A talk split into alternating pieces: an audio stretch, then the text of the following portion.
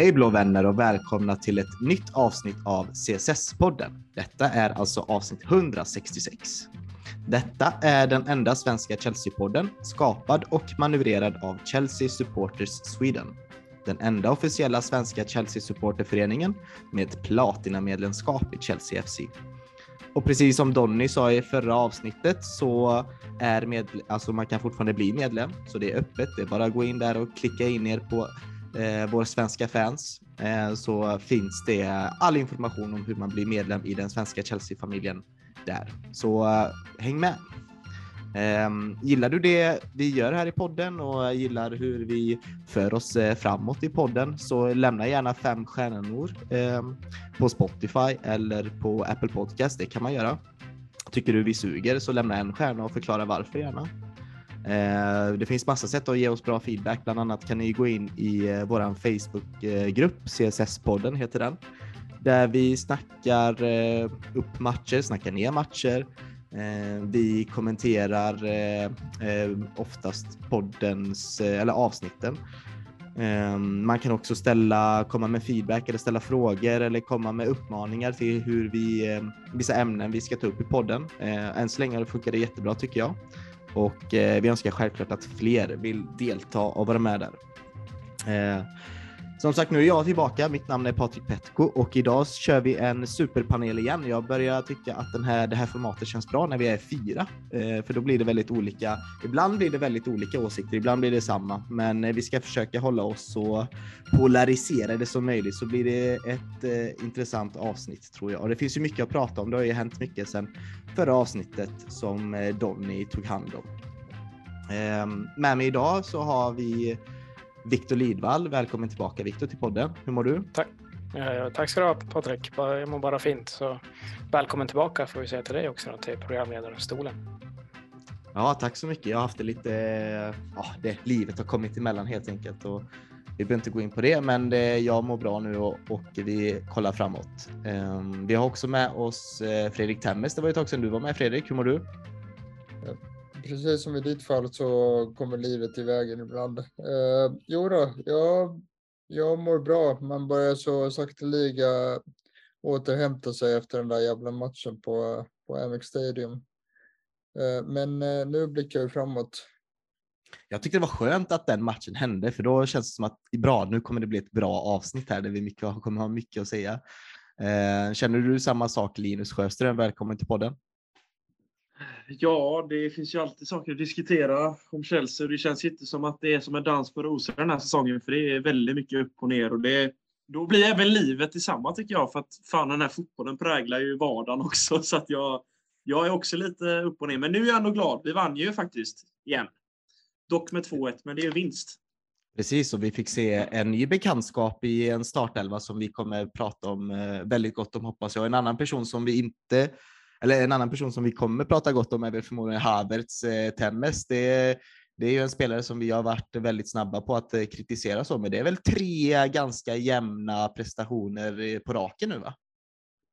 Ja, nu börjar han äntligen hitta formen eh, vad det verkar som. Vi kommer in på det senare, men han, eh, han såg ju väldigt fin ut i den här fria rollen bakom eh, Aubameyang Eh, igår eh, tycker jag. Så att eh, det är ju helt rätt position för honom som jag har ältat fram och mm. tillbaka i den här podden. Och nej, det, nu, nu ser det bra ut även om man fortfarande väntar sig mer såklart. Precis, ja, det ska bli spännande att se hans utveckling. Men det är kul att vi kan prata gott om honom istället för att Ja, du vet, det har ju varit mycket repetitiva tråkiga ord om Havel, så det är gött att komma med lite annorlunda positiv kritik till honom med. Men det, vi ska, det kommer bli ett ganska matigt avsnitt och det kan ju upplevas som ni, ni som lyssnar kanske som ett, en aning repetitivt avsnitt för det har ju varit två matcher och vi ska ju även snacka upp en match också. Det är ju en stor match, en stor derby på, på söndag spelas den va? klockan ett. Konstig, udda avsparkstid. Eh, men vi möter alltså Arsenal på Stamford Bridge och eh, ja, det ska också snackas upp. Men vi har ju två matcher att behandla. Eh, först och främst så ska vi gå ehm, igenom eh, förlusten då eh, på Amex Stadium mot Brighton. Första förlusten för Potter.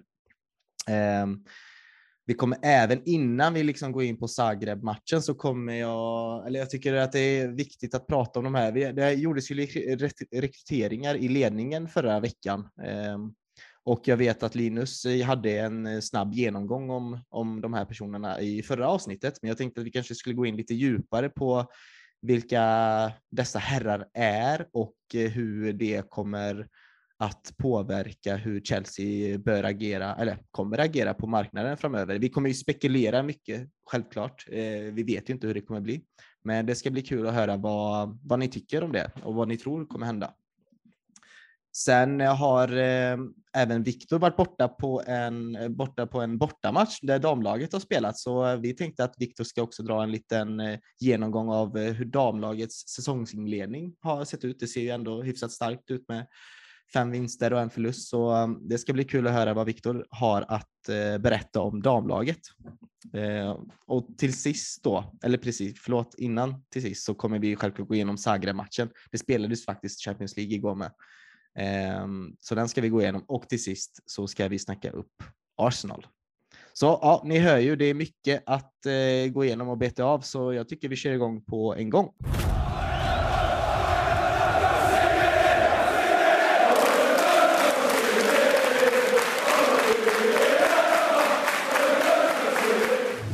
Ja, då hade vi den här matchen mot Brighton på bortaplan som vi Ja, vi var väl eh, enligt det förra avsnittet så var det, fanns det väl lite hopp och vi hypade väl upp oss själva lite, kanske lite för mycket.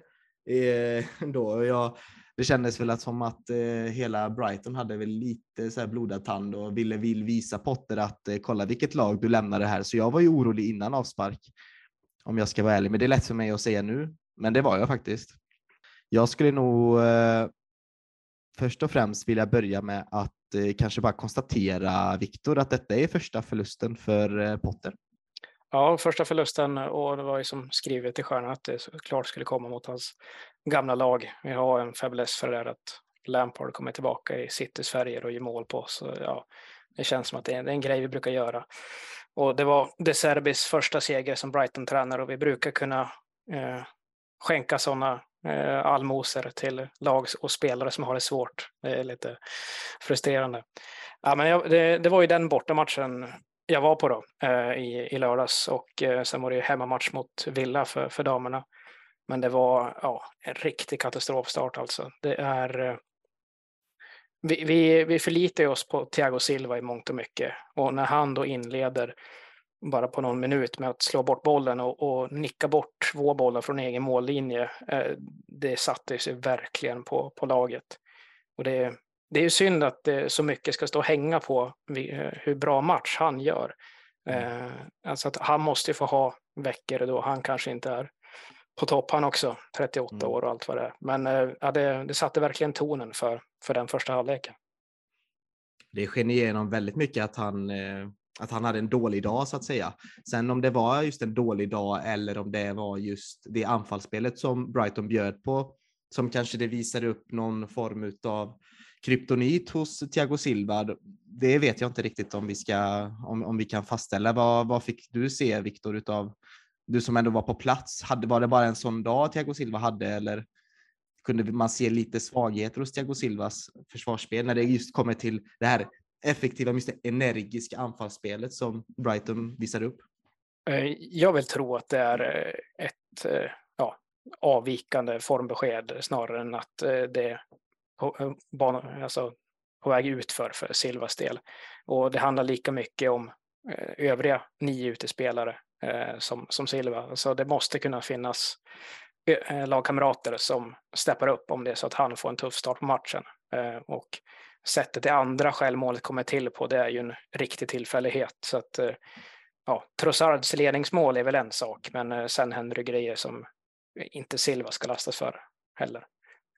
Jag tycker ändå att vi måste eh, stanna kvar vid, vid Silva, för det är bara att konstatera att det här var ju en av hans eh, sämsta matcher i en eh, Chelsea-tröja.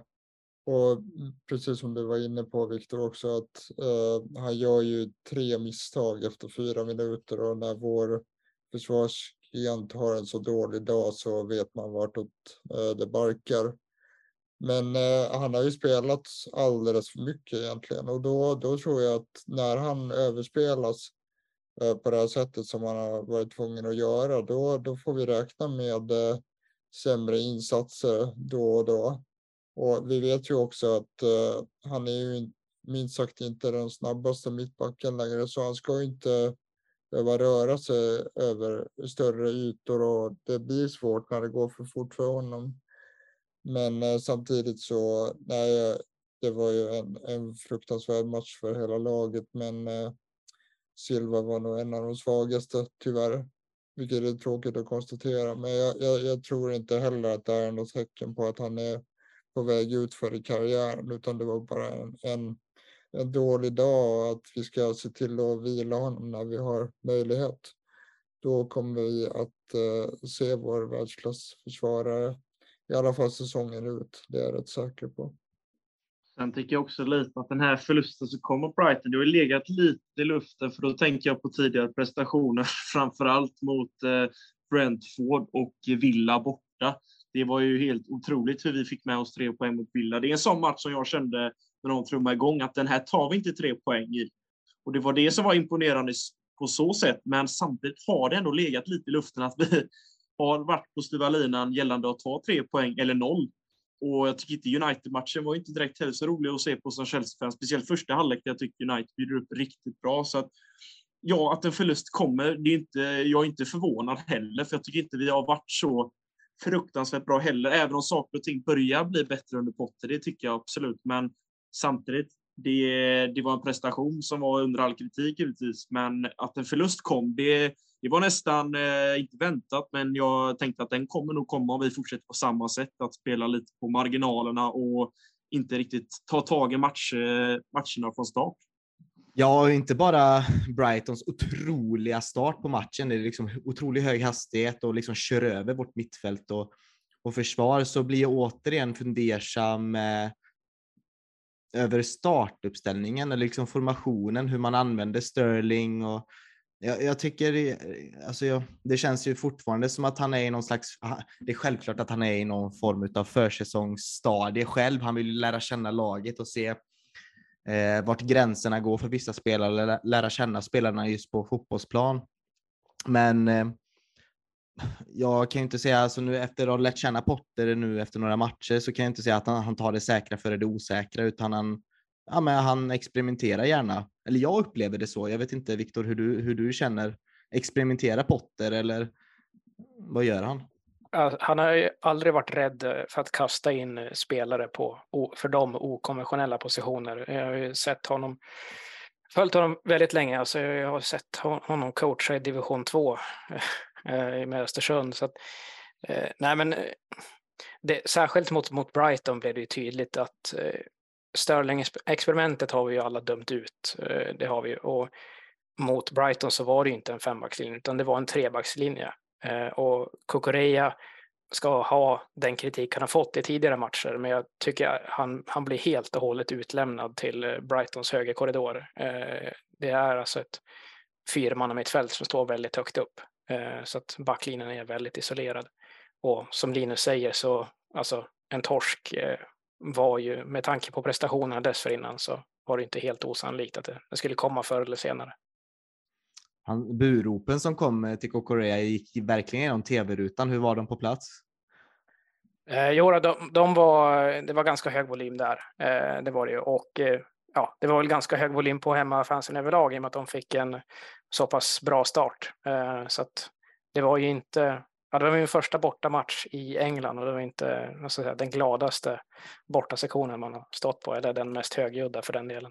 Såg du några uppblåsbara ormar förresten, Viktor? Det var ju väldigt mycket hallå om att eh, just eh, uppblåsbara ormar skulle ha eh, blivit helt utsålda i, i Brighton och att supportrarna skulle ta med, ta med dem in på arenan. Det var inget jag lade märke till. Alltså, jag, jag tittar väl inte allt för mycket på supportrarna på hemmasektionen utan var mest upptagen med att ta in den bedrövelse som utspelar sig på gräset. Ja, det, det förstår jag och det är liksom en, en traumatisk upplevelse i sig. Eh, gällande Kokoreya så alltså, ja, han, han var han var ju riktigt dålig och blev säkert påverkad av buropen, men till hans försvar så ska man ändå konstatera att han eh, ju nyligen drabbades av halsfluss och tappade fem kilo och var helt ur fysiskt slag. Så jag tror att vi kommer få se honom eh, spela mycket bättre eh, så småningom när han har ätit upp sig igen. Sen måste vi också stanna till vid eh, Raheem Sterling som återigen har en helt fruktansvärd match. Visst, han, eh, han, han eh, ställde sig upp som wingback men, men spelar ju spelar ju mer som ytter och nej, det, det var ju inte bra alls även om han väl skapade två, två chanser eh, i matchen. Eh, nu fick han ju lite upprättelse igår, vilket vi väl kommer, kommer in på, men eh, han har ju varit en riktig besvikelse på sistone. Jag tycker att det, det syntes här. Och som vi redan har nämnt så det var ju liksom tre försvarsspelare på plan. Och möter man då ett, ett eh, hungrigt och taggat uh, hemmalag som uh, allting stämmer för, ja, men då, då är det inte så konstigt att det, att det ser illa ut. Uh, sen tycker jag inte att vi ska torska med 4-1, men det, det är bara sånt som händer när vi ja. inleder så dåligt som vi gjorde. För mig, alltså jag kan inte strunta mer i resultatet. Alltså det är ju där att vi blir så himla utspelade. Det var länge sedan jag såg oss bli så ja, men så himla utspelade verkligen. Eh, på alla delar av en fotbollsplan och inte kunde ta emot den här frenesin de står på. Jag förstår att eh, man kunde ju räkna med att Brighton skulle börja, det vet man ju från eh, De Serbis tid i Sassuolo, att han körde på liksom första 20 minuter, första 15 minuterna, högsta växeln, lite likt eh, eh, Klopps lag eh, så i början när, när de är liksom i toppform. Men att eh, okej, okay, man står inte pall för det. Det kan hända, men att man inte heller jobbar sig in i matchen mer utan att Oh, jag vet inte, du vet när jag ser Pulisic gå och försvara nere vid, hör, eh, vid flagg, hörnflaggan så blir jag ju jag, jag, förstår inte riktigt vad det är som händer. Och jag, då börjar man ju tänka, är det fel på liksom truppen och sådär?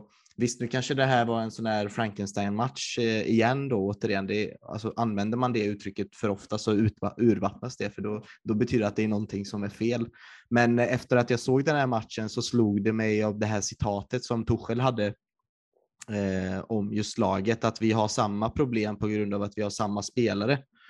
Eh, det florerade liksom på sociala medier och jag, jag var liksom Tuchel, det kanske ligger någonting i det, det han eh, i det han säger där. Men jag kanske är alldeles för reaktionär och jag fick ändå se ett starkt Chelsea igår, även fast vi mötte Dinamo Zagreb.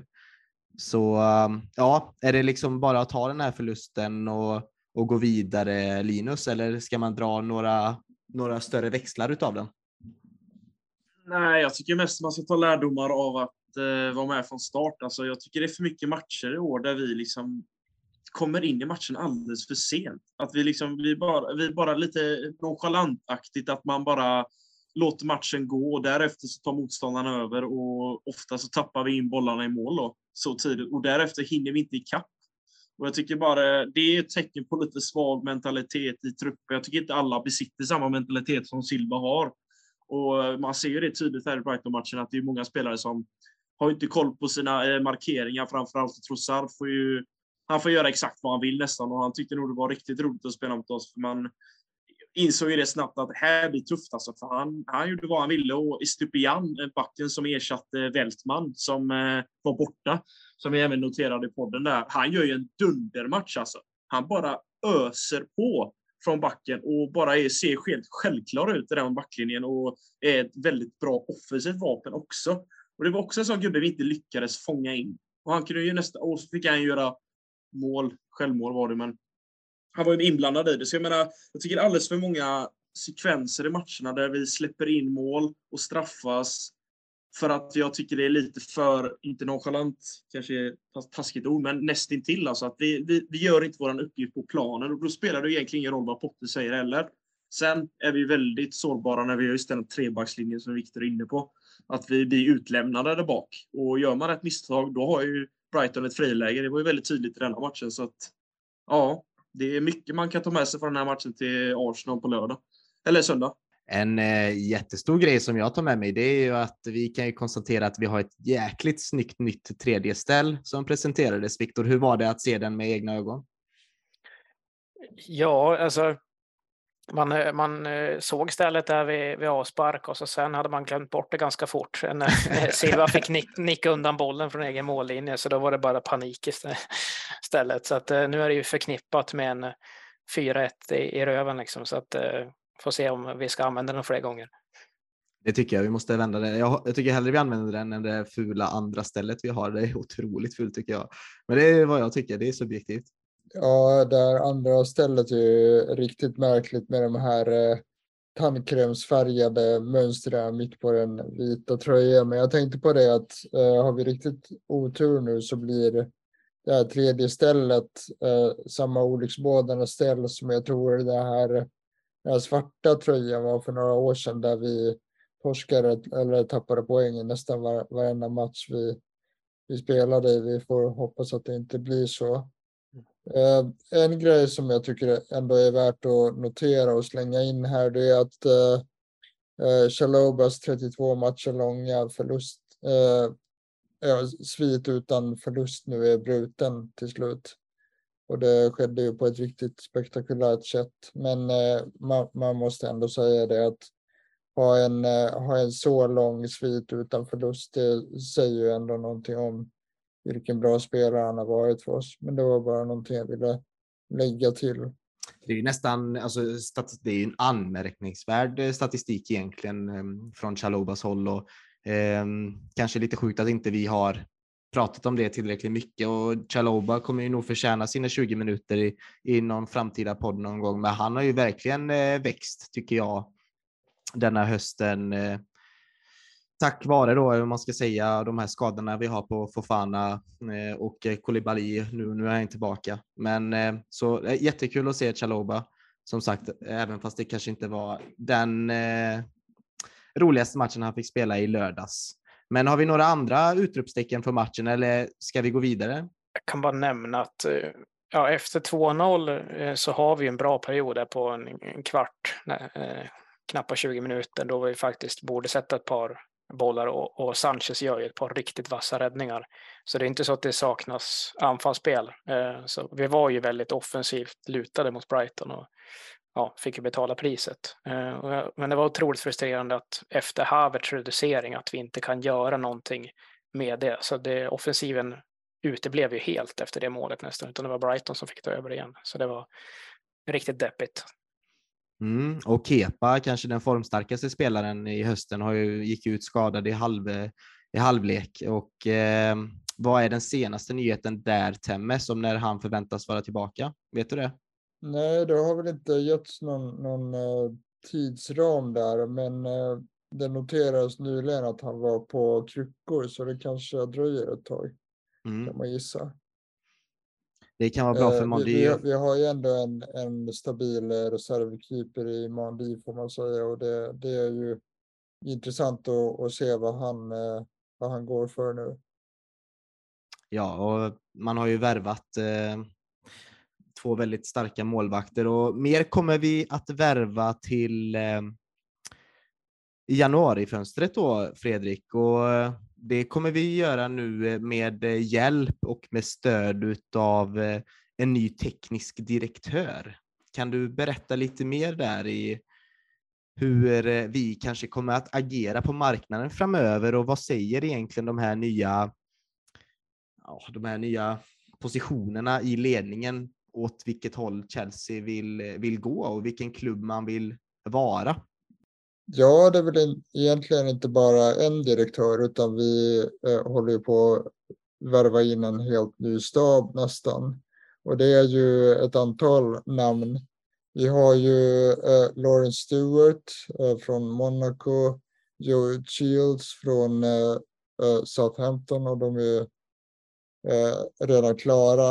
Eh, och sen så eh, har vi ju några namn på väg in och det är eh, Paul Winstanley från Brighton och så eh, Christopher Bivell eh, som senast var i RB Leipzig.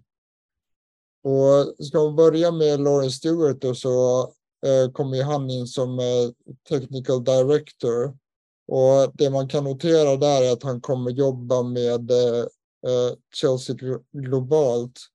Och det jag tror att det innebär är att han kommer ansvara för det här nya eh, paraplyet då med eh, satellitklubbar. Han har ju faktiskt liknande erfarenheter eh, från, eh, från sitt jobb i, i Monaco som också hade en del eh, andra klubbar som de ägde. Och det, det blir väl just hans, eh, hans huvudsakliga uppgift att driva det här och även identifiera och eh, köpa rätt, rätt klubbar.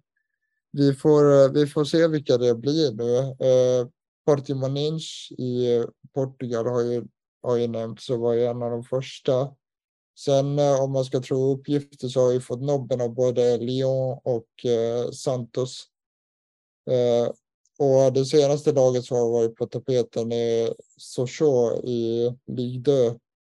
Eh, så, och i och med att de spelar i, i andra ligan då så är det väl rimligare att, att eh, det är en klubb som kan tänka sig att bli uppköpt. Så vi, vi får väl vi får se hur det där artar sig, men jag tror att uh, Lawrence Stewart är den som kommer att, att hålla i hela projektet. I alla fall vad det verkar. andra namnet är då Joe Shields som kommer in som co-director of recruitment and talent. Och han kommer då från, eh, från Southampton senast eh, som vi eh, som jag nämnde precis. Men det kommer dröja ett tag tills han kommer. Han är just nu på gardening leave och det är lite svåröversatt på svenska men betyder väl i princip att man ska hålla sig borta från jobbet under uppsägningstiden. Han är ju inte välkommen tillbaka där eh, i Southampton verkar det som. Och det, det, är samma sak för Win Stanley som också kommer ha sin gardening-liv innan han kommer. Och Eh, det verkar som att eh, Joe Shields uppgift, om man ska tro rapporterna, är att eh, identifiera framtidsnamn. Och han har ju tagit med sig sådana som eh, Romeo Lavia och eh, flera, flera andra spelare som kom till eh, Southampton i somras från eh, Shields förra arbetsgivare, som är Man City då.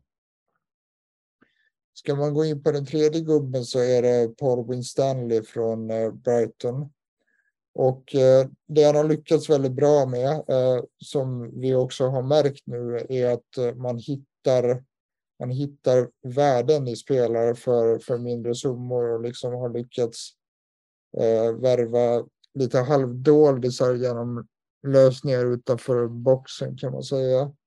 Vi har en sån som eh, Moises eh, Caicedo till exempel som eh, ju ser ut att bli en av, en av de största kommande exporterna från, från Brighton. Och hans USP är att han har en väldigt bra kunskap om den engelska marknaden och bra relationer med, eh, med många direktörer i liknande roller i England han funkar ju också som ett slags eh, stöd för Potter, precis som eh, Kyle McCauley som vi mm. kommer in på. Och eh, till skillnad från, eh, från eh, eh Shields då så är väl han inriktad på att värva lite äldre spelare, även om det inte är gamla spelare i den bemärkelsen att de är 30 plus. Eh, nästa man är då Christopher Vivell eh, från eh, RB Leipzig som inte är formellt klar än, men det känns mer eller mindre som en done deal. Han, han var en av de första som seglade upp som en av de klara namnen. Och han, han kommer också förmodligen att ansluta som technical director, men kommer att jobba på en annan nivå än vad Lawrence Stewart gör. Eh, det verkar som att han kommer jobba med klubben Chelsea och eh, vara mer vara mer en slags eh, samordnare och, och jobba för, för att vår huvudklubb så att säga ska nå framgång. Han har ju erfarenhet av att knyta ihop ett rekryteringsnätverk från från sina tidigare Eh, klubbar och uppdrag. Och det spekuleras också i att han kommer ha mer kommunikation med eh, akademin och kanske vara var lite den här länken som, eh, som Peter Cech var eh, i klubben. Eh, det pratas också om att han kanske kommer vara den person som ser till att eh, renovera Cobham som ju för 10-15 år sedan var top of the line men, men som nu, nu inte har de eh, allra moderna, modernaste anläggningarna längre.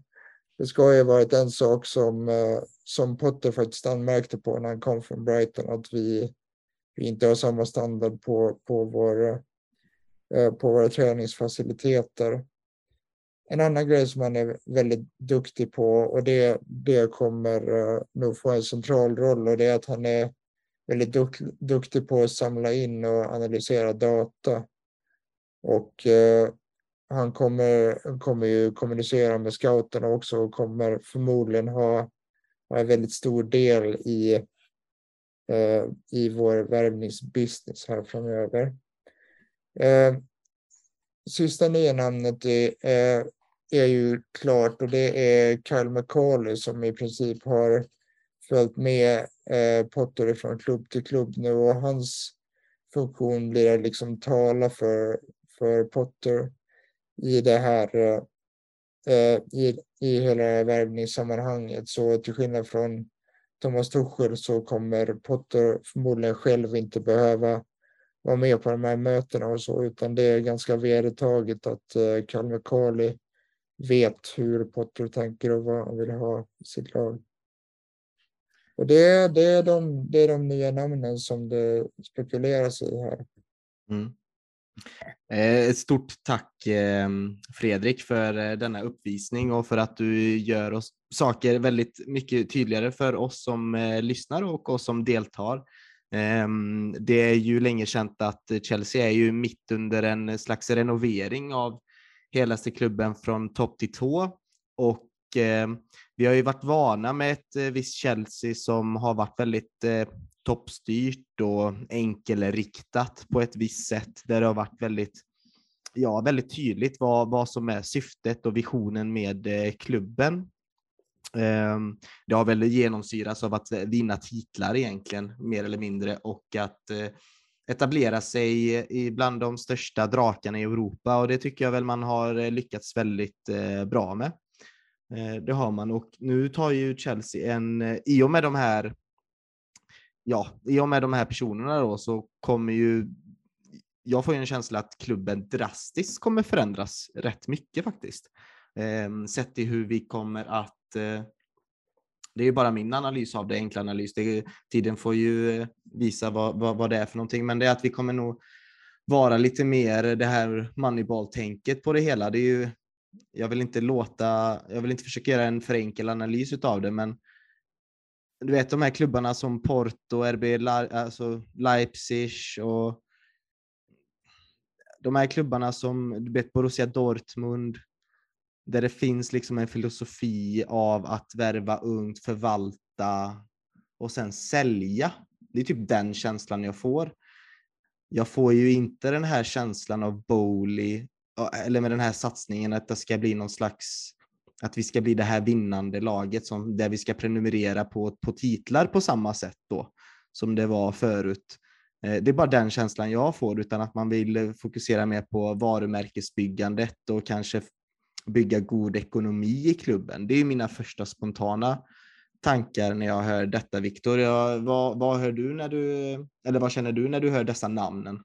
Ja, alltså ska jag ärligt medge att jag är inte alls såld egentligen på det här multiklubbsmodellen. Jag tycker det, det ligger lite illa i, i mitt huvud. Men eh, sen, eh, alltså Manchester City har ju också den modellen och där handlar det ju också om att den här gruppen av klubbar ska ju föda deras vinstmaskin. Eh, så att de, de pratar ju om den här strukturen, att de är inspirerade av Leipzig och, och dylikt som ju inte är vinnande klubbar på, på den nivån. Men eh, det finns ju, eh, ja, City är det absolut främsta exemplet där man, där man verkligen har, har lyckats. Och, och sen har ju det eh, näringskedjan Eh, har ju byggts upp efter det att City började vinna ligatitlar.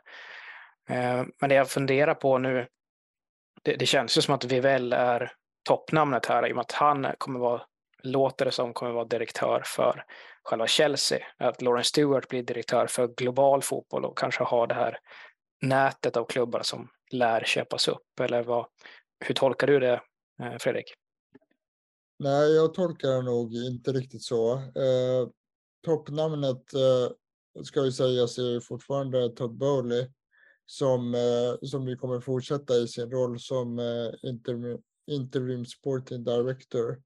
Eh, så han kommer ju ha ett finger med i spelet ett tag till eh, och, och kommer vad det verkar som eh, vara väldigt aktiv i januari igen eftersom hela den här strukturen inte kommer ha satt sig. Och på sikt så är jag helt övertygad om att, om att man vill få in Michael Edwards från Liverpool.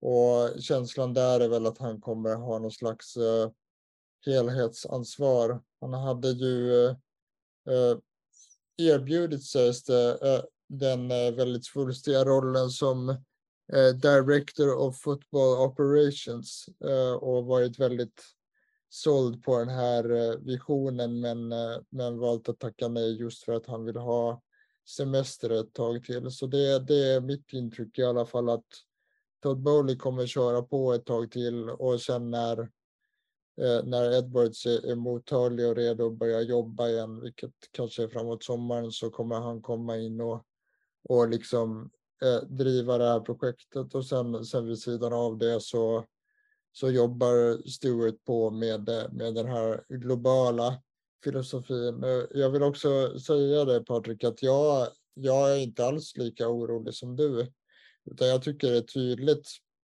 och det har ju Bowley pratat om hela tiden också att, att eh, vi, vi har en ambition och vi ska, vi ska inte bara utmana utan vi ska vinna. Och eh, det syns ju, har ju synts väldigt tydligt i Dodgers också att eh, man faktiskt har en sportslig ambition. Och visst kommer det finnas alltså moneyball element och sådär i det, det är klart. Eh, och vi kommer att se till att vi använder sunt förnuft när det kommer till den ekonomiska biten. Men jag tror inte liksom att det blir, eh, blir på avkall av någon sportslig ambition utan till skillnad från, eh, från dig då så, så ser, jag fram, ser jag verkligen fram emot det här med, med tillförsikt. Sen innan jag, innan jag rundar av så vill jag bara säga att säga en kort passus om den här multiklubbmodellen och ja, man kan väl tycka vad man vill om den och, och att det, det liksom är ganska fult och liksom det blir mer ett konglomerat och, och där. Man kan ha fotbollsideologiska invändningar mot det, men samtidigt så tror jag att det är den riktningen fotbollen går. Och eh, om vi ändå har ett City och eh, Leipzig och så där, som jobbar efter den modellen och gör det, gör det väldigt framgångsrikt så tror jag att vi skulle, skulle tappa i konkurrens om vi inte går i samma riktning.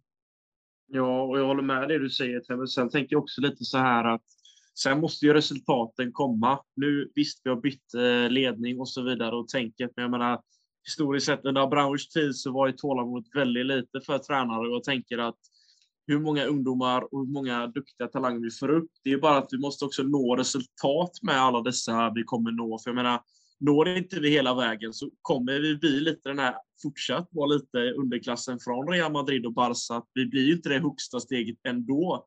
Så jag menar, då kan man ju bli lite Dortmund-läge som vi kollar i Bundesliga, där om de ser bra ut och går bra i ligan och i Europaspel, då är det ju Bayern där direkt. Så man vill också, jag tror det är också viktigt att vi, visst, vi ska ha tålamod, men att vi även når resultat på sikt, för annars kommer det nog fortsätta att, att lagen plockar våra duktiga spelare.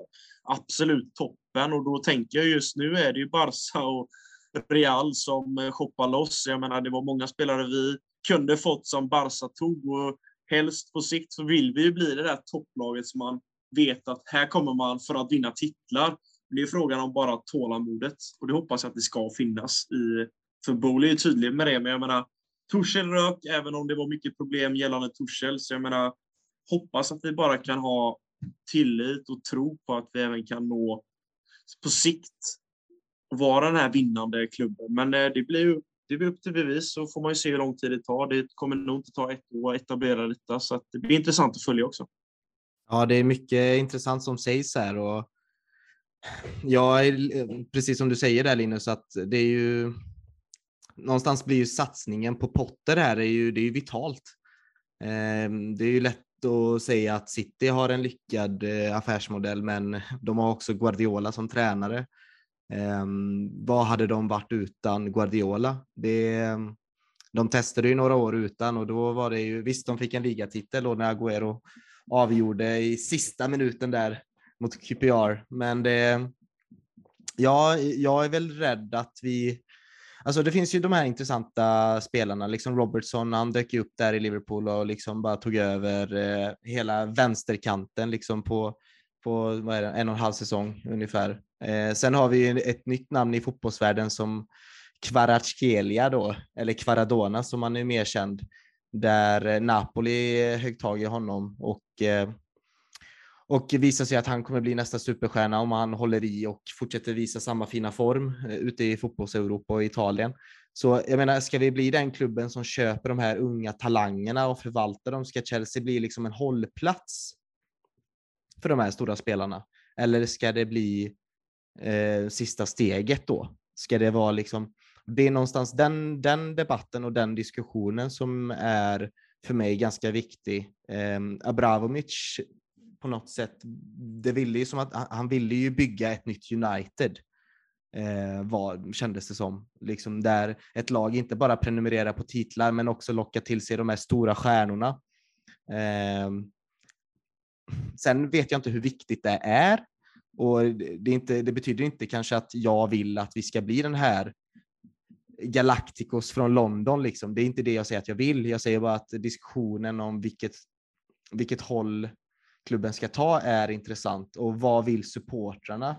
Och hur viktigt är det att supportrarnas tankar och åsikter kommer fram? De tror jag är ganska oväsentliga när det handlar om så här mycket pengar och en ja, affärsmodell liksom som ska egentligen generera intäkt till slut för Bowley och hans eh, riskkapitalistvänner. Eh, ehm, men eh, ja, vad, vad, om ni hade fått liksom bestämma lite, om ni fick vara sportchefer ett tag i Chelsea och kanske också föra supporternas talan. Ehm, det kanske känns lite orättvist att få den frågan, men hur hade ni velat driva klubben framåt? Eh, innan ni svarar så hade jag ju personligen velat se någon blandning av lite av det United har gjort då, även fast United i dagens läge är ett väldigt, väldigt dåligt exempel. Ehm, men ni vet historiskt med Sir Alex och hur man har alltid haft någon akademispelare i laget och i elvan nästan varje match. Det är ju helt otroligt och ofantligt coolt att de har lyckats med det. Samtidigt som de lockar till sig de största stjärnorna. Ehm, det tycker jag är en hälsosam modell ute i den europeiska moderna fotbollsvärlden. Men eh, ah, jag vet inte riktigt. Det är jättesvårt att säga. Temmes, vad, vad tror du är det rätta steget att ta i detta? Eh, jag tror att eh, det här är rätt steg och den som har lyssnat på mig vet ju att jag har trånat efter att få en sån här eh, tydlig struktur på plats. Och jag återigen så delar jag inte riktigt din oro faktiskt. Jag tror att vi kommer ha en ganska mångsidig värvningsstrategi. Ehm, vi, vi vet ju sedan tidigare att mycket kommer att vara datadrivet, vilket är smart. Ehm, det sägs ju till exempel att Klopp inte ville ha Salah, men blev övertygad av sina scouter. Ehm, sen tror jag att Bowley vill ju ha sin eh, marquee signing Alltså ett stort eh, affischnamn. Cristiano Ronaldo, Neymar, det stuket. Sen när organisationen är på plats så tror jag att vi kommer börja värva unga spelare som är på väg uppåt i karriären för rimliga summor, typ en sån som eh, Rafael Leao. Eh, även om just han kommer att, att bli dyr. Sen tror jag också att vi kommer fortsätta den här satsningen med unga talanger för framtiden, typ som vi gjorde med eh, Chukwuemeka, Casadei, Slonina och Hutchinson i, i somras. Eh, sen kommer vi säkert att värva etablerade spelare där vi har ett direkt omedelbart behov. Eh, typ en sån som Rice tror jag att vi kommer lägga stora pengar på. Men jag tror inte heller att det här kommer ske särskilt ofta. Och vi, vi kommer inte heller att spendera eh, 3 miljarder varje, varje sommar som vi gjorde nu, utan eh, som jag nämnde så tror jag att vi kommer använda sunt förnuft när det kommer till den ekonomiska biten. Jag, jag är kort sagt inte särskilt orolig för att vi ska bli någon hållplats, utan jag, jag tror faktiskt att eh, Bowleys genuina ambition är att eh, ta Chelsea till, till toppen med alla, alla medel som står till buds. Ja, och jag, jag måste bara säga det att jag är inte orolig, men så länge, jag tror jag hade känt mer trygghet om eh, jag ser en plan. Och visst, de här Casadei och Chukwemeka-värvningarna kanske tyder på att det finns en baktanke med det. Lite så, jag är ju så himla förtjust av hur Real Madrid ändå eh, tar hand om sin klubb och Florentino Perez, vi kan säga väldigt mycket om honom med angående superligan och allt det där. Så är det ju ändå, han har ju ändå tänkt ut det, han är en smart gubbe den där jäveln alltså. Och kolla Valverde nu, kolla Chouameni, Kamavinga, de har ju värvat sedan länge tillbaka. Det är inte så att de köpte Valverde i somras eller Rodrigo i somras, utan det här har ju byggts på allt eftersom och nu har de ju ett komplett lag igen och de är ju de är ju liksom klara och redo i tre, fyra år framöver. De kommer inte behöva speciellt många värvningar för att fixa sitt lag så att säga. Jag vill inte hamna i en situation bara där vi känner att eller det kanske bara är den här eh, du vet när gamla gardet försvinner, att man måste förnya sitt lag helt och hållet och byta, upp, eh, byta ut en hel elva. Jag känner ju att, jag, att det är mer spelare som måste ut i klubben än in i klubben eh, just nu. Det är väl där kanske min oro ligger bara sådär. Men jag är inte så orolig för, jag vet att det här tar tid, liksom. det är ingenting som sker på ett fönster eller två fönster, utan det kommer nog ta, ta sin tid. Eh, helt kort bara så, eh, jag tror att vi undviker det här med att eh, hamna i en, i en total generationsväxling just, just om vi använder den här strategin att, att värva i olika ålderskategorier och fortsätta ungdomssatsningar och så där så, så tror jag att man kan ta det steg för steg som Real Madrid har gjort. Hade vi däremot haft samma approach som vi, som vi hade under Abramovic, då tror jag då tror jag att det hade varit en större risk för det. Och det har vi ju sett nu att eh, jag är, det är jag helt med på däremot att det är många fler spelare som måste fasas ut nu och det är ju mer på grund av den gamla ledningen. Jag, jag, jag, jag tror kort sagt att det är smart att man värvar både eh, 17-åringar och 27-åringar när det behövs och 23-åringar som är på väg upp i karriären. Och jag är inne på samma bana där båda tycker jag lyfter bra saker. Sen om jag får bestämma så tycker jag bara att den här balansen mellan ungt och gammalt som Tembes nämnde precis måste finnas. För jag menar, det finns ju många talanger som man har sett i den här klubben, speciellt den här Brauch givetvis, som har bara kommit upp och sen försvunnit. Jag tänker liksom på Sam Hutkinson, det är Josh McEachran, eh, Jeffrey Bruma. Det är många sådana här namn som bara man fick se en, en glimt av. Och där är ju balansen av att hur många äldre då ska man plocka in? Jag menar, man vill ha ett vinnande lag. Hur många unga ska plockas upp i A-laget då? Alltså den här balansen måste ju bara på ett sätt genomskina på ett, på ett övertygande sätt för supportrar. För jag menar i England och pressen när ett lag går dåligt, då blir, ökar ju trycket enormt. Jag menar på tränare, det, det åker ju ganska många tränare per säsong. Jag menar, nu måste ju verkligen Potter få den här chansen då och få bygga det här laget både med ungt och gammalt och den här balansplattan eh, måste ju verkligen fungera. För jag menar, säger vi att det fortsätter gå dåligt och helt plötsligt då att man ska satsa på mycket ungt och vi fortsätter bara gå i en negativ trend och man skulle vi leka det scenariot att vi sparkar Potter, då känns det lite som att den här idén kommer börja svikta redan där och då börjar man ju redan fundera, jaha, kommer det här sättet fungera eller är det här bara ett sätt som som Chelsea får skrota i framtiden. Så jag tycker det är väldigt viktigt att man jättebra plockar in unga talanger, men balansen måste ju finnas och det är bara frågan hur mycket ska man plocka in bland de unga och bland de mer rutinerade på marknaden. Så det, det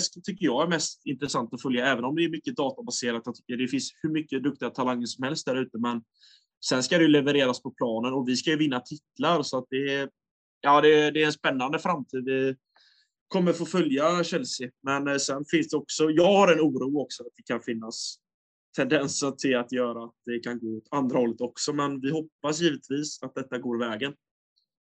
Och eftersom vi, eh, vi Chelsea-fans har ju på senare år blivit lite bortskämda kanske och lite, lite för reaktionära så det vi måste komma ihåg då, speciellt vi som är födda på kanske tidigt 90-tal eller sent 90-tal då, eh, att man, man är van att vinna och sånt där och det har ju inte alltid varit eh, det som Chelsea-fansen är vana vid. Så det finns ju kanske ni som ni äldre lyssnare som har varit Chelsea-fans en mycket längre tid ni kanske tycker vi låter som några bortskämda skolpojkar här, men Um, sanningen är att det, det är så. Det är så vi tänker, vi unga Chelsea-fans. Men med det sagt så vill jag ändå uttrycka alla har ju rätt till sina åsikter, absolut, men vi fans måste ju stå bakom Graham Potter eh, länge nu alltså och ge och inte kanske vara för hårda mot honom i i analysen. Visst att man kan gå fel en match eller två där, men eh, jag litar på Graham Potter och han har visat sig funka i andra situationer och han verkar vara väldigt eh, intelligent, precis som även, eh, eh nu tappar jag hennes namn, eh, som var med förra veckan i podden, journalisten från eh, Viaplay. Fagerlund. Mm. Förlåt? Frida Fagerlund. Ja, Frida Fagerlund. Förlåt Frida om du lyssnar. Det tror jag inte du gör, men jag hoppas att du gör det. Gör du det så hej hej. Eh, men precis som hon var inne på så han verkar väldigt intelligent. Eh, så jag litar på Potter. Eh, och jag ber alla er Chelsea-fans som lyssnat också ha tålamod och inte skrika Potter out så fort ni får möjlighet till det. Visst är det så, Viktor? Ja, jag sitter ju eh, absolut i den båten eh, sedan 8-9 år tillbaka att eh, Potter han är likställd med vilken gud du än tillber ungefär. Men jag, jag, jag, har ju också, precis som Temmes har jag längtat efter en tydligare struktur i ledningen. Alltså sen Emenalo försvann har det inte funnits någon man kan ställa till svars riktigt för rekryteringen. Eh, det är väl också så här att eh, det är ett sätt att kringgå Brexit med den här multiklubbsmodellen. Eh, att har vi vad säga, spelare på tillväxt i Sochaux om ponera att Chelsea skulle äga Eh, eh merparten av aktierna där så, så har ju vi då första tjing och behöver då inte eh, bry oss om de här arbetsgivarlagarna eh, i samma utsträckning. Men eh, vi värvar unga killar från non-league-lag till akademin redan så att eh, Chelsea har ju börjat ställa om till en värld efter Brexit. Eh, sen är jag ganska konservativ överlag när det kommer till fotboll. Jag jag, jag vill ju inte se Stafford Bridge byggas om till exempel. Så att, eh, ja, det säger väl någonting om min inställning till sportsliga ledningen här.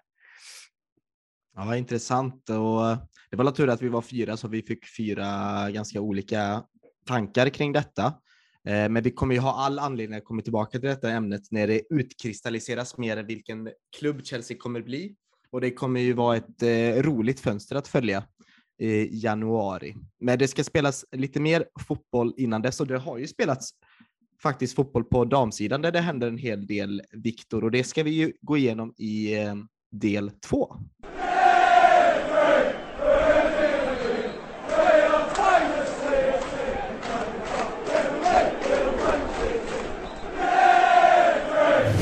Ja, som sagt, det är ju inte bara på eh, herrsidan det, det finns eh, nyheter att bena ut. Det är även eh, damlaget som återigen visar på fin form här i säsongsinledningen. Och Viktor, du var ju på senaste matchen mot Villa. Berätta. Jo, precis. Det vart ju en helg i Chelseas tjänst får man ju säga med bortamatch på sydkusten på lördagen och så var det dags för hemmamatch på söndagen mot Villa. Och ja, Chelsea har ju börjat trumma igång efter en Eh, knackig inledning på säsongen, men nu går ju resultaten och prestationerna åt helt rätt håll. Men eh, seger då, eh, nu i söndags. 3-1 mot Villa, det är ju planenligt får man ju säga. Eh, även om de har ett par spelare som eh, gör bra ifrån sig i Englands landslag till exempel. Eh, men det som var, stack ut från den matchen var ju Lauren James, eh, lilla syster till Reece som ni vet, eh, med två mål och eh, framspelning till Sam Kerrs 3-1. Så hon, eh, hon ägde ju den matchen fullständigt. Eh, och det var mitt första besök på Kingsmeadow eh, som ju ligger i Wimbledon i Londons sydvästra utkanter, så det är fortfarande Chelsea-territorium. Jag kan säga att om ni, när ni åker dit, jag vet att många Chelsea-supportrar har varit där och sett ungdomslagen också som huserar där, men att Eh, jag tog då en biljett på norra kortsidan eh, och hade då solen rakt i synen hela matchen. Så att, eh, ta med en keps om det är fint väder. Eh, annars så på dagmatchen så verkar det vara bäst drag på västra långsidan. Eh, så att det är välpackat där och ja, det var ju i stort sett slutsålt, eh, drygt 4 000. Så den tar väl fem, eh, Wimbledons gamla hemmaplan. Men dessförinnan då eh, så var det en dominant insats mot eh, Brighton förra ligamatchen. Slutade bara 2-0 men nu hade man 10 skott mot Brightons kasse. Eh, det var första gången vi fick se nya svenska Johanna Rytting Kaneryd från start. Eh, hon var skitbra, men det var en fruktansvärt regnsjuk plan så att bollen stannade upp för henne när hon forsade fram där ute till höger. Hade det inte helt lätt. Och däremellan de här två eh, ligomgångarna så hade vi Champions League när albanska FK Vlasnia kom på besök. Eh, hon hade de 11 skott på mål men fick betydligt bättre utdelning. Eh, så vann ju de med 8-0. Eh, och vi hade Pernilla Harder med hattrick, Sam Kerr satte fyra bollar, eh, men jag tycker ändå att norska Guro Reiten var bäst på planen. Alltså hon hade fyra framspelningar och kunde lätt haft ett par till. Eh, och då gjorde ju även Fran Kirby comeback. Lite speciellt nu de sista veckorna är ju att vi varit utan Emma Hayes, huvudtränaren för de som inte känner till att eh, hon har opererat bort eh, livmodern då, eh, efter långa problem med endometrios. Eh, men att nu i söndags så fick jag läsa då på officiella hemsidan att hon satt i publiken i alla fall. Hon var inte på, på bänken, men eh, kunde vara, vara så pass frisk att hon kunde vara på plats på arenan. Så det var skitkul. Det vankas ju även stormatch för eh, Chelseas Ladies på söndag mot obesegrat United. Eh, hur ser United ut? Har du någon eh, koll på dem också? Ja, de har ju Russo och Toon då, som var ju väldigt bra i EM i somras. Sen, som sagt, de är bättre nu än vad de varit tidigare, men de har haft ganska gynnsamt schema. Och nu är Chelsea som är regerande mästare, så vi ska ju visa vart skåpet ska stå. Eh, så är det bara. Efter United, då är det ju då landslagsuppehåll för damerna, ganska kort sådant. Eh, men första matchen efter landslagsuppehållet så är det ju dags för damerna att spela på Stamford Bridge. och Ta emot eh, Tottenham där, vilket ju skulle ha varit premiäromgången egentligen, men det sammanföljer med drottningens bortgång så har blivit uppskjuten. Bra, tack så mycket Viktor för den genomgången utav damlaget. Ehm, vi ska trilla in på Zagreb-matchen som spelades nu här nyligen. Eh, det var ju igår. Vi spelade in, vi spelade in här torsdag kväll den 3 november och eh, vad ska vi säga om det här? Vi ska ju sammanfatta den här Champions League-hösten lite egentligen, men vi kan väl göra det med eh, en enkel mening och det är i första gruppen, skön vinst och ja, en bra utförd match eh, skulle jag vilja säga. Eh, och kanske det jag vill lyfta fram först, Viktor, i detta, det är ju Dennis Zakaria alltså. Vilken spelare han, eh, han var och fan vad fin han såg ut. Ja, eh, helt otroligt att det är först nu han får spela så som han såg ut. Men han har ju bidat sin tid och verkar ju vara otroligt taggad på att, eh, på att lira. Så han, han haltade väl lite lätt där när han gick ut med 20 minuter kvar, men det lär ju varit något muskulärt eller trötthet snarare i och med att det var så länge sedan han spelade match. Eh, är vad jag tolkar det som. Men eh, ja, det är fint att han får bli matchvinnare också. Det... Alltså jättekul och vilken, alltså, vilken dominant eh, uppvisning med på mittfältet. Det var sist vi hade något liknande. Det var väl alltså Loftus Cheek har väl momenten när han är lik, lik honom där. Eller Matic är väl någon annan spelare som är lite lik eh, den typen. Väldigt stor, stark fysisk eh, närvaro på det mm. centrala mittfältet och det är ju lite någonting som vi har eh, saknat kanske i laget. Ja. Han har ju gjort det som Loftus Cheek och Kovacic eh, kan bidra med, just att klå sin gubbe på mittplanen och, och drog på sig, eller tvingade eh, Dinamo-spelare att eh, ta en varning där också när han vart för mycket, liksom tog tag runt midjan. Så att, ja, det var väldigt roligt att se den insatsen. Ja, det var ju verkligen en imponerande insats. Och, eh, det är ju så att han bidrar ju med, eh, eh med någonting som vi har saknat på mittfält. Jag har ju en del eh, käpphästar som ni känner till, det här med eh långa målvakter och eh, Eh, långa mittbackar. Eh, nu, nu är Kanté en eh, spelare som är eh, undantaget som bekräftar regeln, men jag är också av den åsikten att eh, en riktigt bra defensiv mittfältare ska vara en stor jävla klump eh, som har en eh, imponerande fysik och eh, helt enkelt står i vägen. Och, och, precis som du sa Patrik så tycker jag att han eh, påminner inte bara om Matic utan även eh, Jonobi Mikkel.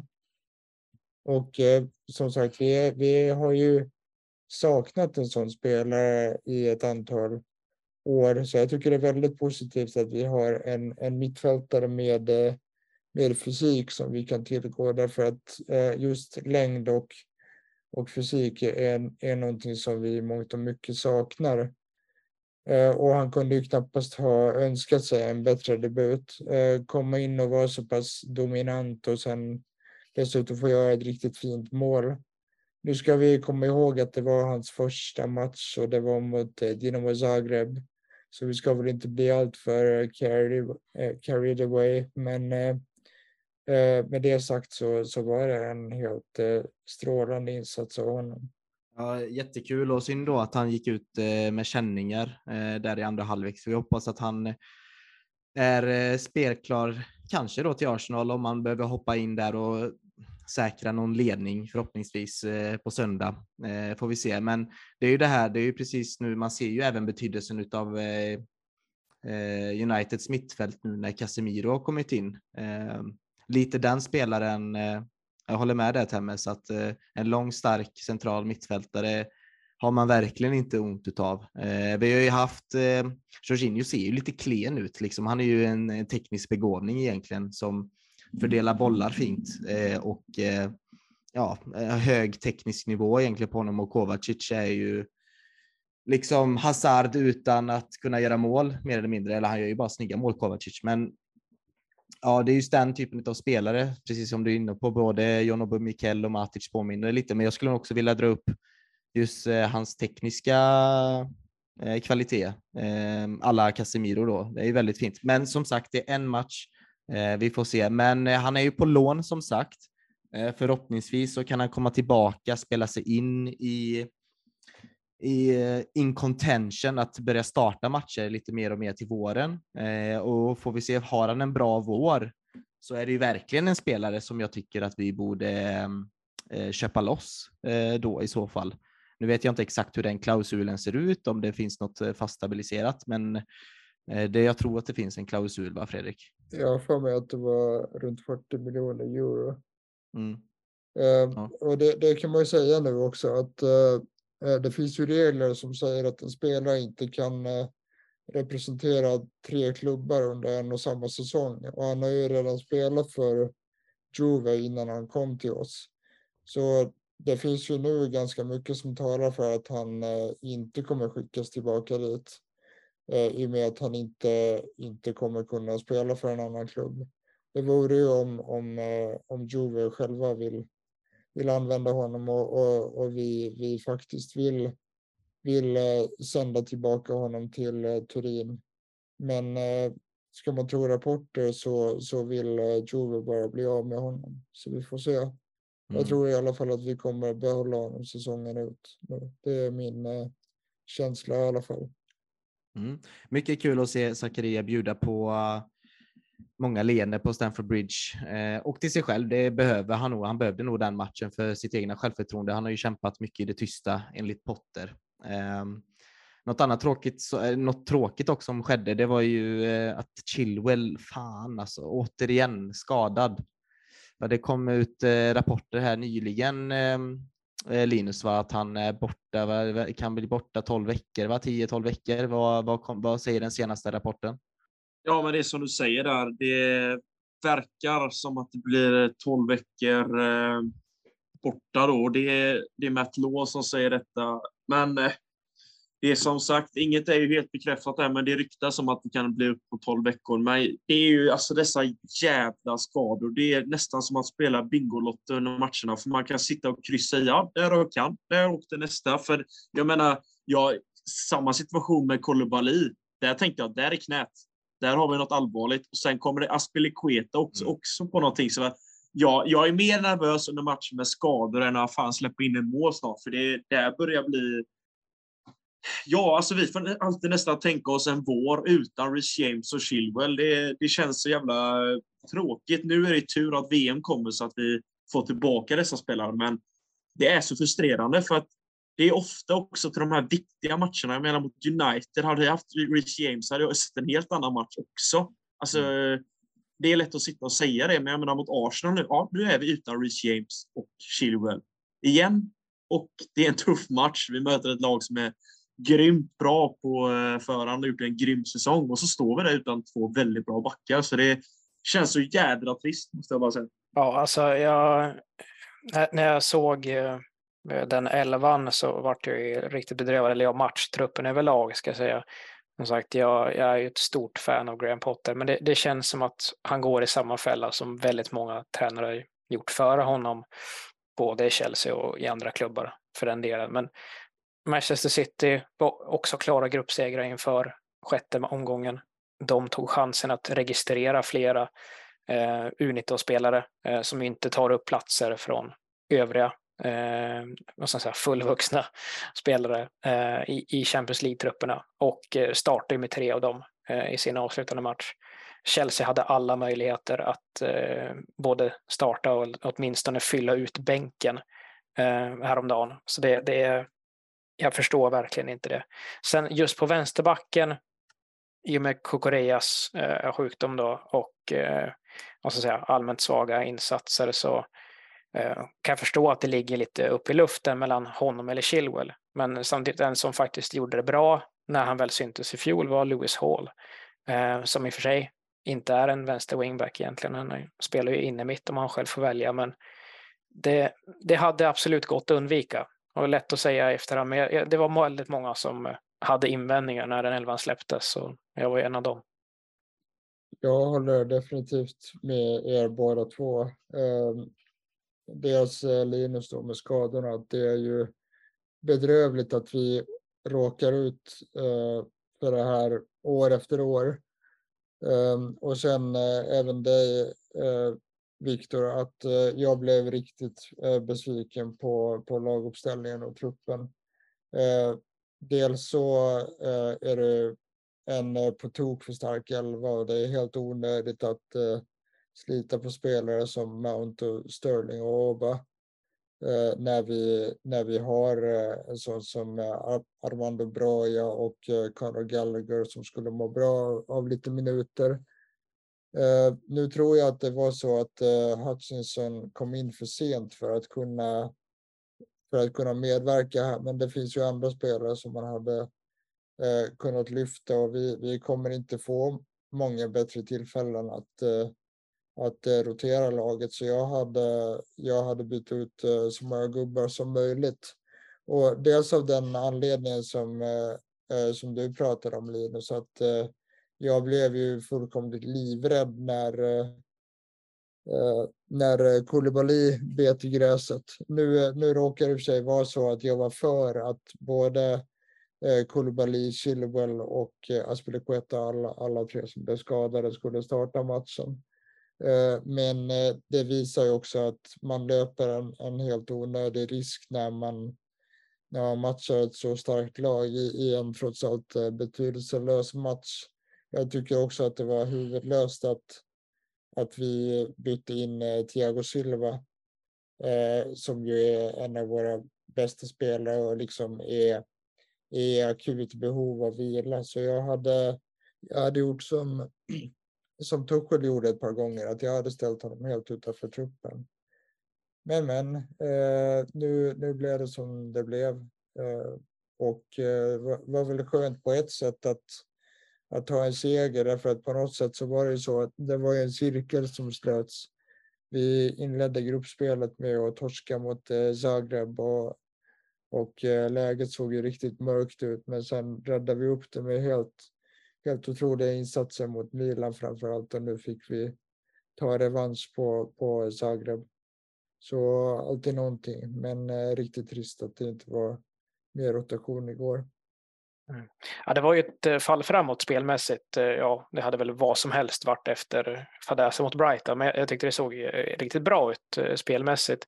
Men jag vill egentligen bara tillägga att eh, U19-laget var redan utslaget eh, från Uefa Youth League. De hade inget avancemang att eh, spela för i, i sin sista match heller, så att med lite framförhållning fanns det ingenting som hindrade att ja, ta en handfull eh, ungdomsspelare och slänga in i matchtruppen. Nej, och det är tråkigt att eh, Alltså det är så tråkigt med de här skadorna. Va? Jag förlåt, alltså det är, förlåt, höll jag på att säga, men ja, förlåt att jag kommer tillbaka till det, för det är ett tråkigt ämne. Men man vill ju bara se den fulla potentialen utav den här truppen. Och vi får ju liksom glimtar utav den då och då, du vet, då när allt verkar stämma liksom. Som eh, mot Spurs, bland annat när vi spelar fantastisk fotboll. Eh, vi får ju glimtar av ja, potentialen egentligen. Och det är så synd nu med Rich James framförallt. Och du vet, jag är helt hundra på, jag hade liksom bettat eh, 500 spänn på att han skulle avgöra nu på söndag. Liksom. Han sätter in 2-0 bollen liksom, eller 1-0 målet. Liksom. Det, jag hade varit övertygad om att han hade gjort ett mål där på första stolpen, eh, alla Reece James. Men eh, det är väl det som, så även efter en liksom, gruppetta, absolut skön vinst, absolut, så är det fortfarande en eh, bittersweet feeling eh, i, i hela mig eh, faktiskt efter denna matchen. Men eh, det är ju långt kvar till eh, slutspelet som ska spelas eh, till våren eh, och vi, det är ju skönt med ett VM-uppehåll som sagt, även fast det kommer bli lite slitage på spelarna där med. Men eh, när vi pratar om eh, det här slutspelet då, det har ju blivit klart eh, vilka lag vi kan eh, ställas emot. Och lagen är då Klubb Brygge, Inter, RB Leipzig, PSG, Eintracht Frankfurt, eh, Borussia Dortmund och eh, numera kan man ju även eh, lottas mot samma lag som man hade i sin grupp och det betyder att vi också kan få Milan igen. Ehm, har ni någon så här drömmotståndare? Temes? Det är väl helt klart eh, Club Brugge eller Club, Club Brugge som, som man ofta säger i i Sverige. Eh, det är ju den, den uppenbart eh, eh, svagaste motståndaren där och mardrömmen är väl PSG skulle jag säga. Är det verkligen mardrömmen? Är det det? Är det inte gött? Ja, hade, det inte varit gött? hade det inte varit gött att bara liksom få ut dem? Jo, och liksom... men, men jag känner att de, de håller på att, att få ihop någonting där och, och eh, Lionel Messi som ju var bedrövlig förra säsongen, vilket det pratas alldeles för lite om, eh, har ju börjat vakna igen. Så att, eh, och eh, Galtier har ju fått ihop en struktur där, så nej tack, jag vill helst inte möta dem. Jag är eh, mer... sen, sen, sen hade det varit eh, underbart att slå ut dem såklart, men, men lite onödigt att, att äh, möta ett så starkt lag äh, så tidigt, äh, tycker jag i alla fall. Ja, det är bara det, är bara det i mig jag gillar när, när vi slår ut stora lag. Men det kan vi kan göra senare i, eh, i turneringen. Jag är jätterädd för Dortmund och jag vet inte varför. De, det är inte så att de flyger i ligan eller någonstans, men det blir förmodligen Jude Bellinghams sista, sista vår i Borussia Dortmund och han vill visa upp sig för alla engelska lag och just det här snabba anfallsspelet eh, har ju visat sig vara lite av våran akilleshäl. Nu får vi se hur vårt försvar ser ut till våren och Fofana kommer ju säkert förmodligen spela. Eh, men ja, jag är lite så här, jag vill inte möta Dortmund faktiskt. Eh, Linus, vilka vill du absolut inte möta och vilka vill du möta? Ja, jag vill ju givetvis möta PSG. Nej, det vill jag inte. Eh, jag är, där står jag faktiskt på Temmes sida. Det känns som att fan, de har börjat pussla upp det här laget som jag trodde var ett omöjligt uppgift för att det är så jädra många egotrippade spelare i samma klubb. Men eh, tack vare att Messi har blivit så duktig och så jädra självklar nu i PSG som inte jag trodde efter förra säsongen så är ju de läskigt farliga tror jag att få. Eh, den offensiven är inte rolig och eh, har vi en fortsatt sargad backlinje så kan ju det bli ett eh, mardrömsscenario. Då tänker jag speciellt på bortaplan då. Eh, men eh, om vi kommer till drömlagen så klart Klubb Brygge. Eh, Milan tror jag också där av att jag känner att vi har bra koll på Milan. De har givetvis bra koll på oss också, men över två matcher så tror jag det är givetvis det laget större. Men sen hade jag inte sagt emot att möta Inter heller, men det handlar mest om Lukaku-situationen, att eh, få sätta dit han återigen. För hans eh, uppträdande mot eh, klubben var ju totalt eh, oförlåtligt från min sida, så att det hade inte varit fel om han också eh, kunde varit med och varit med i matchen när vi sänker dem. Så att eh, ja, det är nog det. Eh, ja, för mig är det nog hugget som stucket mellan eh, Inter och, eh, och PSG om vi pratar mardrömslottning. Inter kanske inte har den jätteformen hittills den här säsongen, men eh, det är en trupp som jag ser en ganska hög höjd i. Eh, så äh, klubbrygge, det går inte att komma undan med att det, det vore ju drömmen, så är det ju. Men sen är det ganska många lag som är relativt jämlika. Mm. Ja, det är intressant. Alltså, lottningen är ju då på måndag klockan 12 den 7 november. Och ja, jag hör mycket klubbrygge här och jag vet inte, jag gillar inte att möta lag som är så tydliga underdogs. Va? Jag har något, eh, uff, jag blir lite rädd för det liksom. Um, Klubb Brygge kan ju lika väl ha en sån här Atalanta-säsong liksom när de flyger. Eller som Villarreal hade för några år sedan eller, eller sådär. Nej, jag, jag vill inte möta Klubb Brygge faktiskt. Utan jag de, spelar väl i, de spelar väl i Antalata-färger? Precis, det är ju bara det läskigt. Liksom. Eh, jag möter helst eh, Leipzig faktiskt. Det, det känns som att eh, det är några vi kan ta hand om i lugn och ro. Och jag tror att Nkunku inte kommer vilja sänka oss utan han kommer nog vara extra snäll mot oss tror jag. Så jag tar gärna Leipzig. Men vi får se, det är på måndag. Men dagen innan där så är det ju en riktigt stor eh, match på Stamford Bridge. Och det, jag har valt att eh, ge titeln ödesmatch. Är det en ödesmatch, Viktor? Ja, nu vet inte. Tidigare i avsnittet så eh, snackade du om att eh, vi ska ge Potter tid och då tycker jag det är lite farligt att börja snacka ödesmatch redan. Uh, nej, men eh, Ja, det är klart, det, det, är ju en match som på något vis kan definiera en säsong eller åtminstone hur resten av den här ligakampanjen kommer se ut. Alltså att eh, ta tre poäng av Arsenal eh, är ju, vore ju högst välkommet. Eh, och som sagt, de har ju gått eh, ruskigt starkt. Eh, kan ju också prioritera bort Europa på ett annat sätt jämfört med oss. Vi, alltså, Potter har fått det komma in och rädda upp ett eh, ja, skepp som var sjunkande med efter en poäng på de två inledande omgångarna. Ja, men det är li lite ödesmättat är det ju. Eh, men och sen, vi har inte den bästa trenden mot Arsenal heller, så det skulle ju vara fruktansvärt skönt med en Victoria. Alltså. Mm. Och för första gången eh, när vi möter Arsenal på riktigt länge känner jag att den här matchen handlar mer än bara än bara om de är tre poängen som står på spel, utan det är något, jag ska inte säga att det är något slags tronskifte i England, för det är det verkligen inte. Vi, ju, liksom, vi var Europamästare 2021 och vi, alltså, titelmässigt så ser det ju bättre ut för oss och vi, vi är ju en större klubb än vad Arsenal är. Um, även fast inte Arsenal-fansen håller med om det, så tycker jag det, i alla fall de senaste 20 åren. Så nej, men det, det, känns lite som att eh, du vet, Arsenal är på väg någonstans. De, eh, Edu, sportchefen och Arteta har ju byggt någonting intressant och det är många fler intelligenta män och kvinnor som har varit med och eh, bidragit till denna utvecklingen. Linus, du kan väl eh, berätta lite om eh, Ja, säsongsinledningen vet vi ju alla att den har ju varit oerhört stark för, för Arsenal, men vad är, det, vad är det de är bra på? Vad ligger deras styrkor? Vart är det de har träffat rätt skulle du vilja säga? Jag har träffat rätt. Bollen har fan flugit in ett antal gånger i motståndarens mål, för de har gjort det förbannat bra och det ser riktigt bra ut för Arsenal. Och jag har ju många Arsenal-kompisar, så jag kollar mycket Arsenal och man har ju haft den sköna förmågan de sista åren att bara få njuta av det här jädra laget som har fallit isär antingen tidigt i säsongerna eller bara i skeden där man inte tror att Arsenal kan förlora.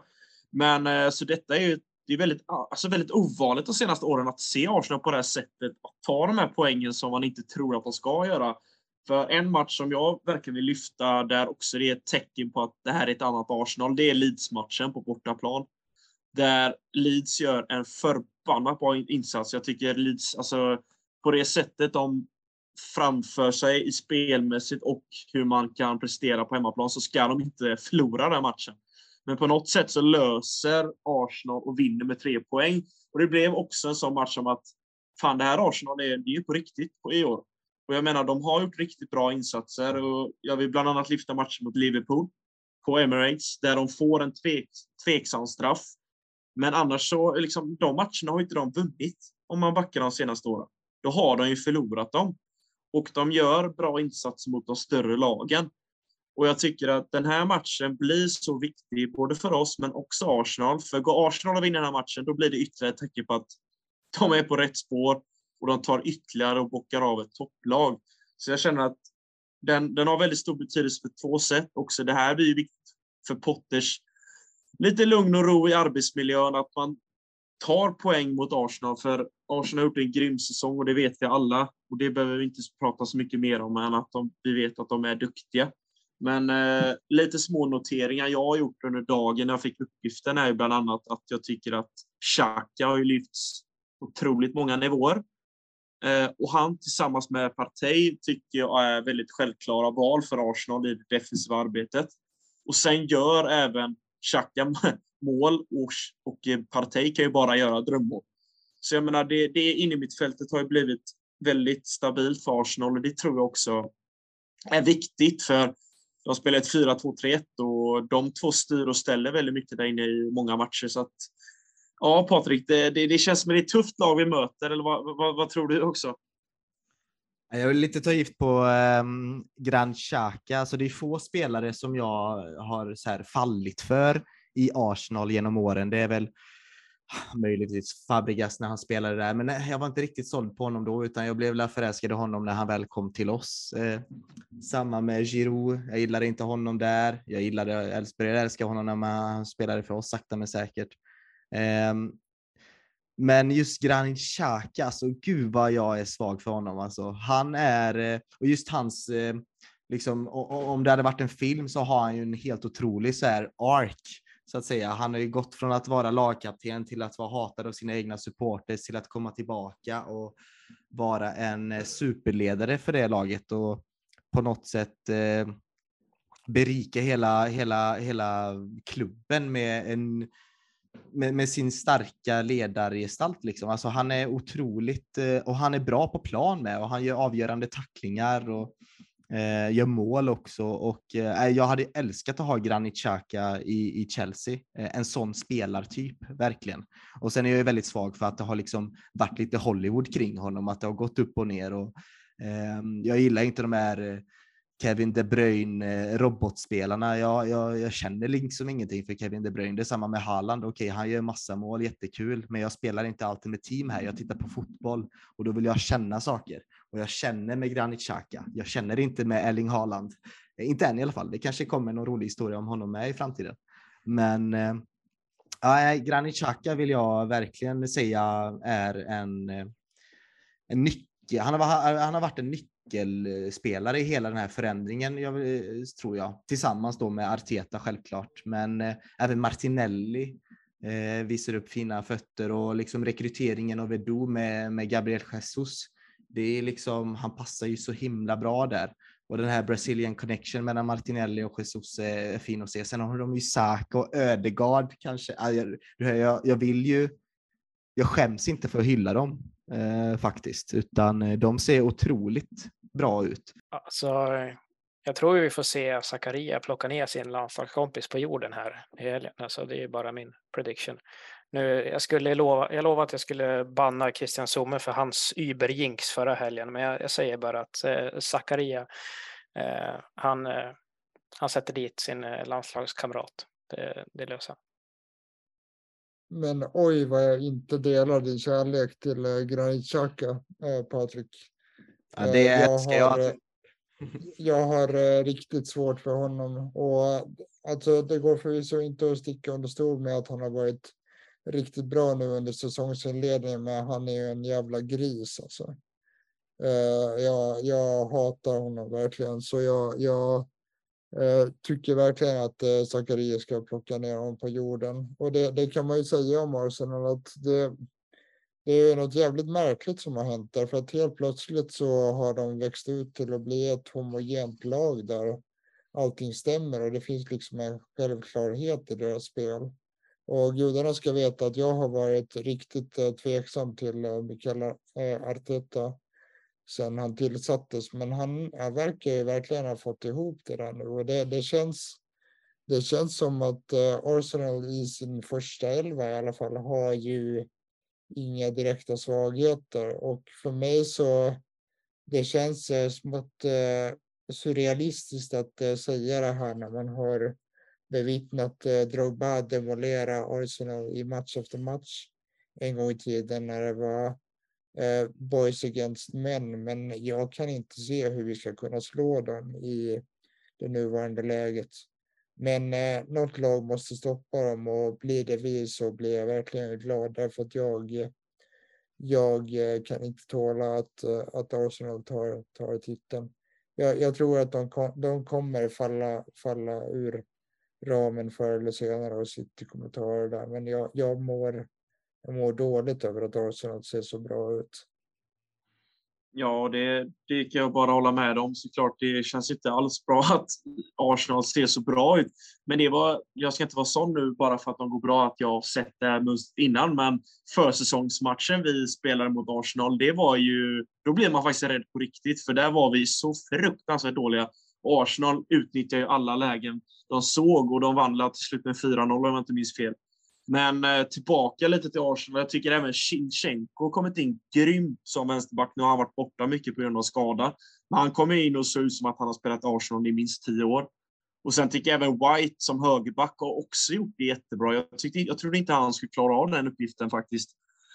Också lite där med prislappen kom från Brighton har inte riktigt visat vem han var riktigt innan, trots en bra session innan där. Men jag tycker också att Arsenal det här året får ut mycket, mycket mer poäng av sina spelare än man gjort tidigare.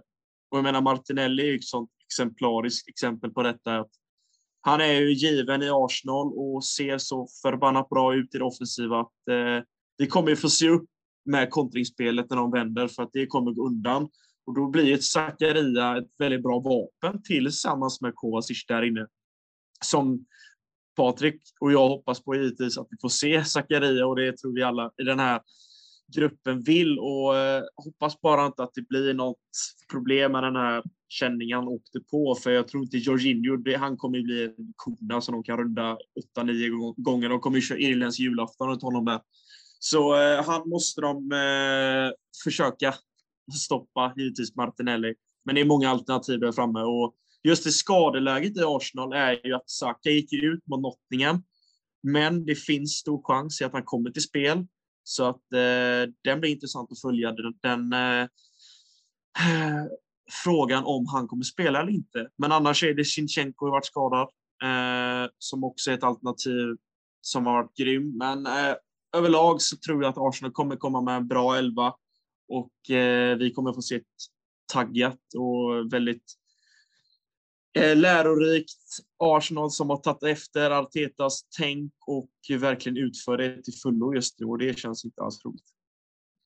Jag tror väl att det är just på kanterna där, där matchen kommer att avgöras för herregud vad det kommer gå undan när, eh, när Martinelli och, eh, och Saka drar iväg efter kanterna. Alltså jag, jag, jag drömmer i mardrömmar bara jag tänker på Aspilicueta som ska försöka hänga med.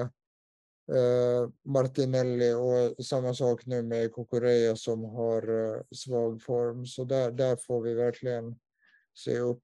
Eh, och jag, jag, tror att vi kan bli straffade rätt hårt där.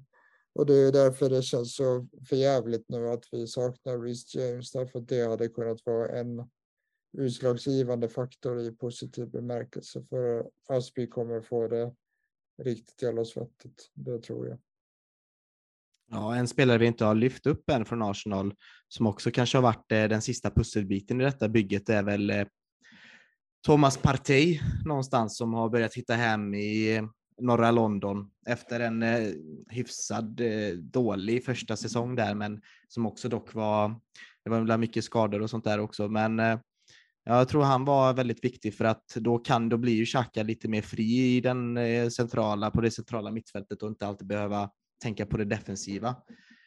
Um, men eh, ja, det är ju, jag vill ju inte sitta och hylla alla Arsenal-spelare här och jag blir nästan lite äcklad av mig själv, utan jag vill ju vara taggad eh, till matchen på söndag. Och det är jag inte riktigt. Eller jag, jag, jag vet inte riktigt vad jag ska känna. Jag vet inte riktigt vilka förväntningar jag ska ha. Det är ju, hade vi haft Chilwell, eller om vi hade haft alla friska, då hade jag sagt att ja, men det är klart vi ska ge dem en match. Det är klart vi tar detta. Men som läget är nu så är det ångestladdat. Ja, vad har vi för förväntad matchbild eh, på detta? Fredrik, du sa ju, du inledde där och sa att du var lite orolig, precis som vi kanske alla känner då. Men eh, vad, hur tror du vi, hur, hur, kommer matchen spela ut sig? Det är ju svårt att syna ett, ett pottelag på förhand där. Eh. Kommer vi se att han ska försöka trolla sig fram till någonting och hålla på och experimentera igen? Eller tror du att han kanske går lite mer back to basics? Vad tror du om, om matchen?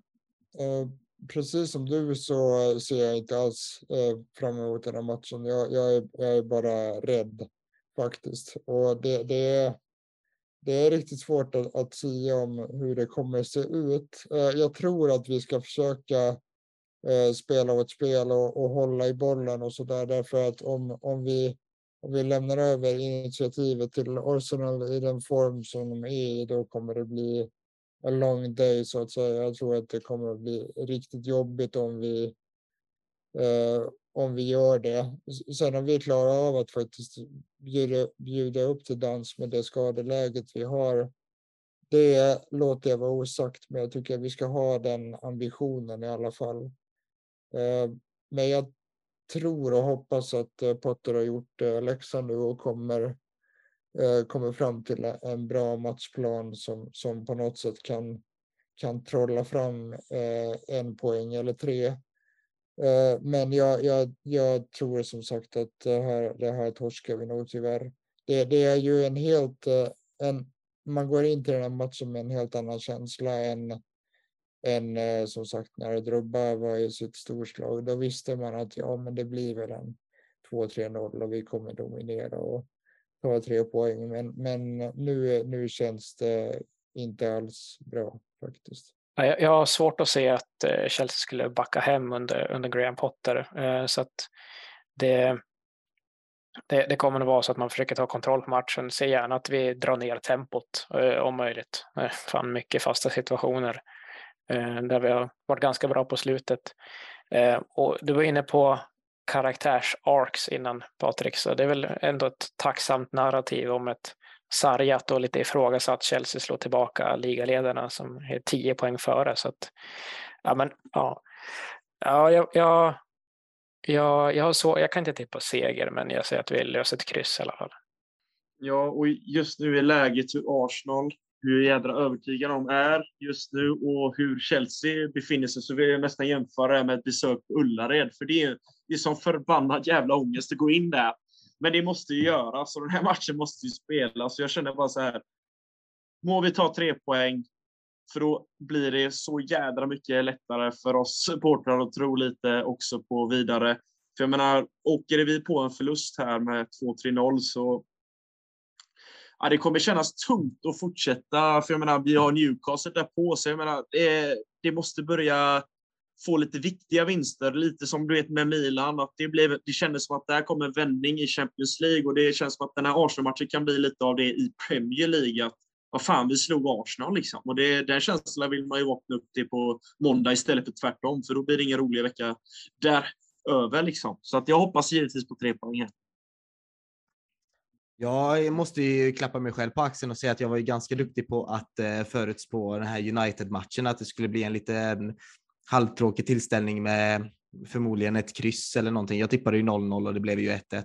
Men här har jag ju snarare den motsatta känslan. Jag tror ju här kommer det flyga gula kort, kanske något rött kort och det kommer att sluta 4-3 eller något sånt där. Ehm, jag tror det kommer vara all guns blazing alltså. Eh, och eh, ja, framförallt så just för att jag tror Chelsea vill ha, ha något att bevisa här, att ni ska inte komma hit till Stamford Bridge och tro att ni är störst i London. Jag tror mycket sånt kommer spela in. Jag vill tro det i alla fall.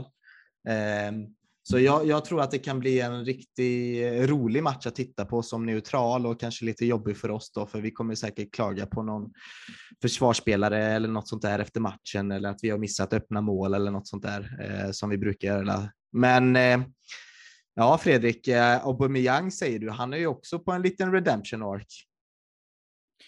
Ja, han är ju det. Han eh, kommer tillbaka och eh, möter sitt eh, gamla kära Arsenal med eh, hans favorittränare vid, vid rodret. Så jag, jag, tror att han kommer ha en eh, point to prove eh, faktiskt. Och det, det hade ju varit riktigt fint både för oss och inte minst för honom själv om, om han får eh, sätta ett par mål och göra ett par, eh, par volter. Eh, det är väl ett önsketänkande tyvärr, men det, det är ju det är också en sån där uh, storyline som är väldigt intressant i den här matchen. Mm. Så uh, vi får väl hoppas på det, men, men jag, jag, är, jag är skeptisk, pessimistisk och uh, ja, rädd som sagt. Ja, vi får se hur det kommer gå på söndag och eh, som sagt eh, för att återgå för att knyta ihop den, eh, det här uppsnacket så tror jag att den matchen kommer ju som sagt att definiera något större än bara de tre poängen som står på spel. Och det är ju något slags ja, maktbalansen i eh, mellan Chelsea och Arsenal just för denna säsongen förmodligen. Eh, springer de iväg med 13 mer poäng blir det nog svårt att ta ikapp det. Tar vi in tre poäng på dem så är det ju, ja men då är vi tillbaka igen i, i, i toppstriden liksom och det var inte länge sedan, vem var det nu som sa att vi, det var Koulibaly som sa att vi har chans att vinna ligan. Liksom, det är lite roligt att Koulibaly säger det nu bara för några dagar sedan i en intervju. Och eh, tror han, tror jag. Och eh, ja, och med det så stänger vi kvällens avsnitt.